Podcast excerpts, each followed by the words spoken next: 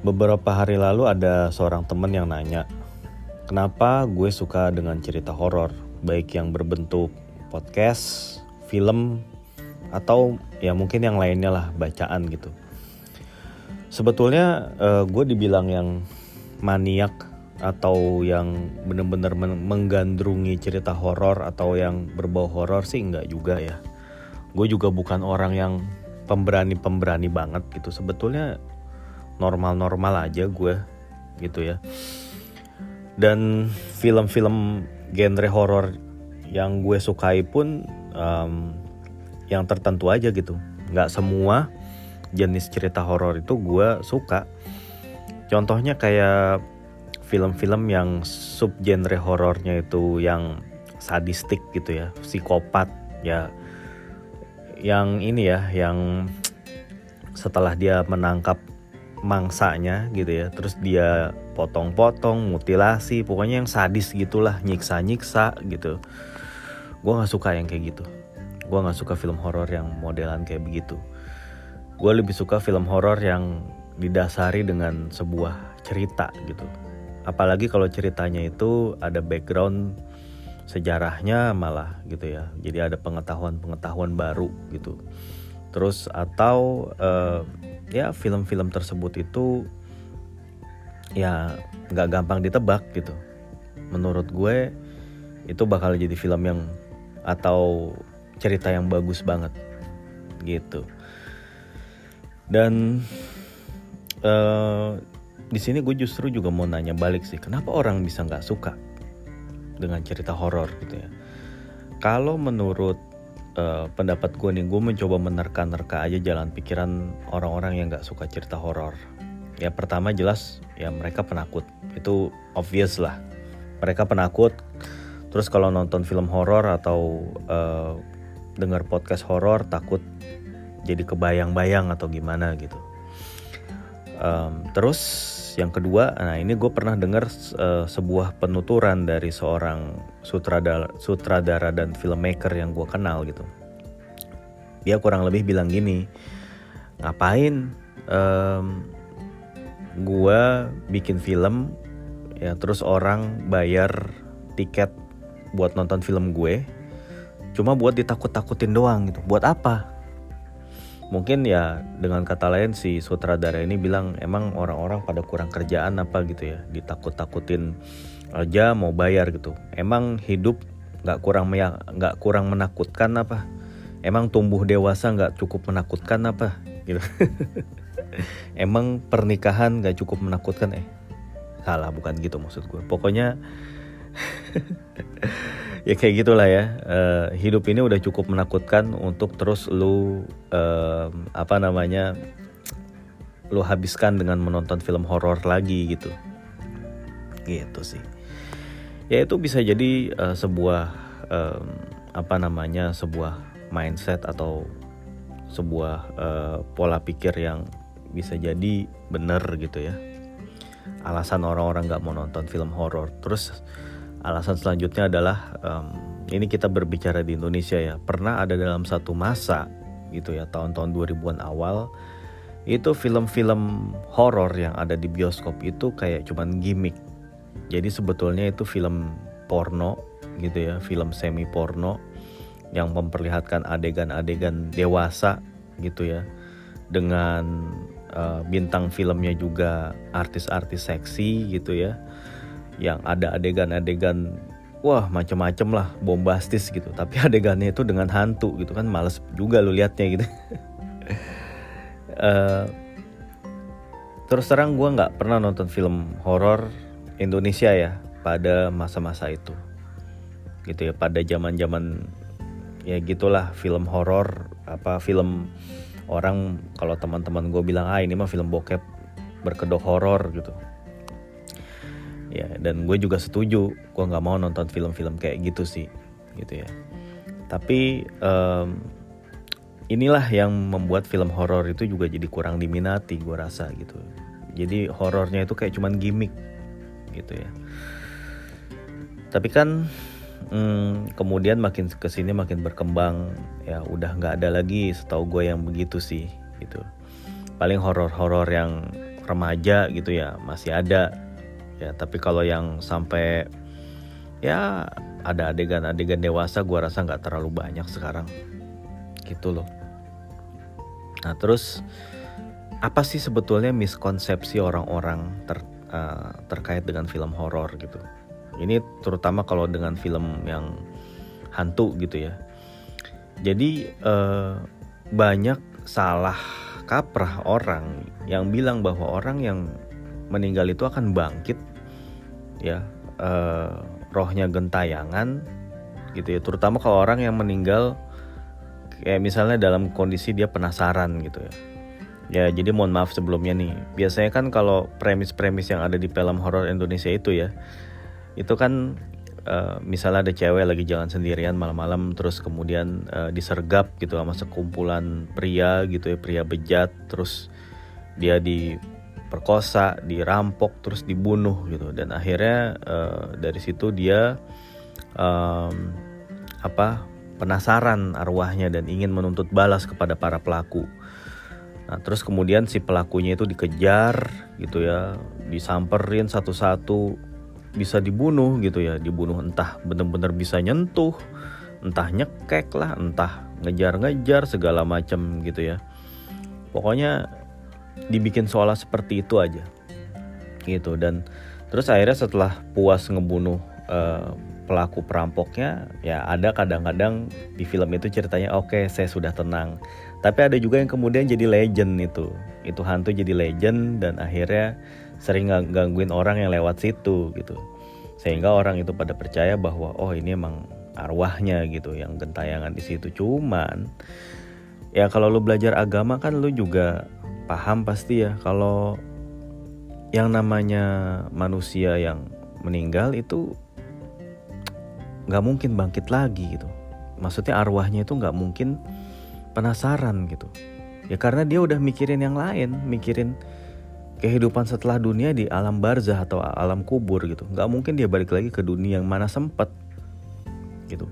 Kalaupun ada yang kemudian menyerupai gitu ya sosok sosoknya gitu. Itu adalah perbuatan dari makhluk lain yang menyerupai yang untuk tujuannya adalah mengganggu uh, memfitnah ya memberikan ujian gitu kepada manusia ujian keimanan ujian apa apakah uh, misalnya nih ya si sosok ini katanya bisa uh, memberikan kekayaan memberikan hal-hal yang baik gitu ya rejeki lah jodoh lah apalah gitu. Tapi dengan bantuan mereka dengan bersekutu kepada mereka gitu. Nah itu kan jadi nggak bener gitu. Itulah yang kemudian jadi awal dari semua hal-hal jelek yang kemudian timbul mengikuti gitu. Entah itu kemudian minta tumbal lah segala macam. Intinya lu jangan pernah mencoba aja. Itu selain itu dosa syirik ya. Itu pun juga kalau lu bersekutu dengan mereka ya apa? Ya it won't be for free gitu loh. Itu sih yang lo harus paham. Nah ini uh, speaking of uh, yang tadi ya yang gue bilang. Ada yang gue senang dari cerita horor itu adalah pelajaran-pelajaran yang bisa dipetik dari situ. Walaupun ya masing-masing orang mungkin beda motivasinya nonton film horor. Ada yang emang cuma nyari hiburan nyari adrenalin kayak pengen aja ditakut-takutin jump scare jump scare gitu gitu. Tapi kalau gue lebih tertarik ke cerita-cerita sih gitu ya. Kayak uh, contohnya film uh, film horor kayak hmm, apa ya yang gue suka nonton? Kayak Conjuring lah. Itu kan cukup terkenal ya. Itu kan di Conjuring itu kan ceritanya adalah seorang pasangan suami istri gitu ya yang apa namanya mereka itu sering dipanggil ya oleh orang-orang yang katanya mengalami kayak semacam gangguan gitu di rumah mereka. Gangguan di rumah yang tidak kasat mata lah gitu ya. Jadi mereka dipanggil dan mereka di situ mengusir gitu mengusir atau menangkap gitu ya makhluk-makhluk itu supaya si penghuni orang yang menghuni rumahnya itu bisa lebih apa bisa nyaman gitu tinggal rumah itu. Nah dari situ tuh banyak diungkap kejadian kejadian-kejadian apa sih yang membuat uh, rumah ini jadi begini gitu. Atau kayak contohnya cerita uh, Annabelle ya boneka Annabelle kan. Itu kan sebetulnya kayak spirit doll kalau kata orang sini bilang ya itu berangkat sebetulnya kisah ini dari uh, kesedihan yang mendalam atau ketidakikhlasan uh, orang tua nih ibu anak gitu. Karena anaknya meninggal gitu ya sakit ya. Dan akhirnya dia kayak gue nggak gue lupa ya ketemu dukun apa siapa gitu. Yang nawarin kalau lu masih pengen uh, ada anak lu di sini gitu. Ini arwah anak lu masih ada di sini. Kalau lu pengen bisa tetap berkomunikasi sama dia nih, ada perantaranya nih boneka gitu. Nah, itulah muncul segala macam uh, apa dari situ kayak kebuka gerbangnya gitu, gerbang dimensi yang harusnya beda gitu kita sama mereka gitu dan harusnya memang tidak usah saling mengganggu gitu dan dari situlah kemudian muncul kisah-kisah menyeramkan berikutnya gitu karena gerbangnya udah dibuka secara tidak bertanggung jawab gitu ya. ya akhirnya mengundang makhluk-makhluk lain juga gitu yang akhirnya membuat kekacauan gitu ya dan membuat kerusakan lah di mana-mana. Dan boneka itu pindah dari tangan ke tangan dari keluarga ke keluarga. Pokoknya di mana ada dia di situ ada bencana gitu. Itu kan sebetulnya ada cerita yang menarik di situ gitu. Atau kalau lu pernah nonton film yang judulnya Shutter gitu. Itu kan juga ada cerita yang menarik di dalamnya. Kenapa bisa seperti ini gitu? Kenapa bisa terjadi seperti ini? Apa penyebabnya gitu? Kenapa orang tuh bisa sakit punggung parah gitu kan? Ya walaupun itu uh, boleh jadi semua yang tadi gue bilang itu fiksi gitu ya. Tapi ada beberapa kayak common sense uh, apa namanya kayak semacam benang merah gitu ya. Bahwa emang uh, kita harus percaya mereka itu ada gitu ya. Ya emang harus diimani mereka itu ada gitu. Yang juga dilakukan adalah kita ya hidup masing-masing gitu. Nggak usah saling apa kita nggak usah nyari lah. Nggak usah nggak usah nantangin nggak usah nyari tahu nggak usah mengundang. Nah itulah yang salah yang akhirnya membuat apa namanya eh, keseimbangan itu jadi terganggu gitu. Karena kita yang bersikap seperti itu mengundang kayak atau misalnya kita lagi di alam bebas kita apa namanya berbuat sesuatu yang tidak baik gitu. Berbuat antara berbuat tidak senonoh ataupun kita berbuat yang ngerusak atau kita ngomong sembarangan gitu. Atau kita tidak menjaga kebersihan nah itu kan apa ya pokoknya segala sesuatu yang kita lakukan yang mengganggu keseimbangan gitu. Mengganggu keseimbangan ya ya kita bertingkah berlebihan gitu. Itulah yang kemudian bisa menjadi awal dari segala bencana yang terjadi gitu. Ya selama kita in control gitu ya selama kita juga yakin gitu ya kita percaya ya bahwa Tuhan selalu melindungi kita gitu. Bahwa apa namanya kita adalah makhluk yang sempurna gitu ya. Ya menurut gue uh, tidak ada yang perlu untuk terlalu ditakutkan. Walaupun juga tidak perlu kita nantang-nantangin atau gimana gitu. Nah itulah dari dengar cerita-cerita horor atau nonton film-film yang seperti itu gue tahu hal-hal beginian gitu. Dan ini uh, menarik sih. Gue akan dengerin denger cukup denger aja nggak yang apa ya dengerin nonton nggak yang tapi bukan yang maniak banget juga gitu. Gue tetap paling suka film action sih. Gue gue paling suka film action itu kalau dulu zaman dulu kalau ada Bruce Willis atau kalau sekarang kayak ada The Rock itu gue suka filmnya biasanya ya. Uh, karena kalau uh, kayak Bruce Willis itu kan tipikalnya single fighter dia sendiri bisa ngalahin banyak penjahat. Kalau si The Rock ya dia itu kan uh, biasanya bermain sebagai penegak hukum polisi atau sejenisnya gitu ya. Dan dia juga sering meng apa ya di filmnya itu dia campaigning gitu ya kayak dia paling benci sama pelaku bully gitu. Sama pembuli dia paling gak suka. Di film itu sering dia tunjukin sikap seperti itu gitu loh. Jadinya ya memang gue suka aja film-film yang dimainin sama The Rock. Gitu. Ya menurut gue sih ya uh, semua yang ada latar belakang cerita di belakangnya itu selalu menarik sih. Sekalipun itu cerita horor ya. Gue fans bola ya gue suka banget ngebaca cerita pemain. Gue suka ngebaca cerita klub gitu. Jadi ya dalam apa ya dalam menggandrungi sepak bola gue nggak hanya terfokus kepada satu klub aja atau satu tim aja gitu. Gue menyukai permainan ini gue menyukai sejarah permainan ini cerita-cerita di balik ini gitu ya. Kenapa bisa terjadi seperti ini? Ya apa yang melatar belakangi itu apa namanya gue uh, dari dulu emang suka sih yang seperti ini gitu.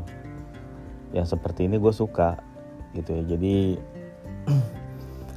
pokoknya kalau ada cerita ada sejarahnya gitu itu gue akan apa nonton biasanya gitu atau ngikutin ceritanya. Gitu lah. Jadi memang intinya ya gitu aja lah. Bahwa sebenarnya cerita yang ada di film horor itu bukan cerita kosong gitu. Menurut gue juga menarik bagaimana uh, misalnya kalau di film horor yang uh, ini ya yang pembunuhan gitu atau film psikopat atau film uh, thriller gitu. Itu menurut gue juga menarik. Kadang-kadang kita juga menerka-nerka ini penjahatnya siapa sih gitu sebenarnya. Ini pembunuhnya sebenarnya siapa gitu. Ini filmmakernya tuh udah nyiapin banyak sekali skenario-skenario gitu ya adegan-adegan yang bikin nggak ketebak gitu gue kalau nonton film Scream itu uh, butuh waktu juga untuk gue memahami gitu ya karakter pembunuhnya seperti apa orang-orang yang ada di filmnya seperti apa untuk bisa nebak uh, who's the real killer gitu itu menarik menurut gue itu bagian dari uh, perjalanan gue nonton film sih untuk tebak-tebak ini siapa pembunuhnya, siapa yang terakhir mati gitu ya. Dan gue juga kalau nonton film, film trailer atau horor, gue nggak selalu expect akan jadi good ending gitu. Kayak misalnya kita bisa ngalahin kejahatan gitu, kayak bisa selamat dari kejaran pembunuh atau bahkan bisa ngebunuh balik pembunuhnya. nggak seperti itu sih, tapi minimal memang uh, misalnya in, uh, dalam jagoannya lima orang nih gitu ya. Uh, sekelompok anak. Ya at least jangan mati semua lah gitu. Wasted banget kayaknya kalau semuanya mati ya gue sih akan ngerasa juga idih buat apaan gue nonton? Cuman menyaksikan mereka dibunuh-bunuhin semua gitu loh. Ya buat apa juga. Ya at least ada satu yang selamat gitu biar apa ya biar biar nontonnya juga kayak ada hasilnya gitu. Gitu sih maksud gue ya kurang lebih itu aja lah gue dalam menonton film. Oke? Okay? bye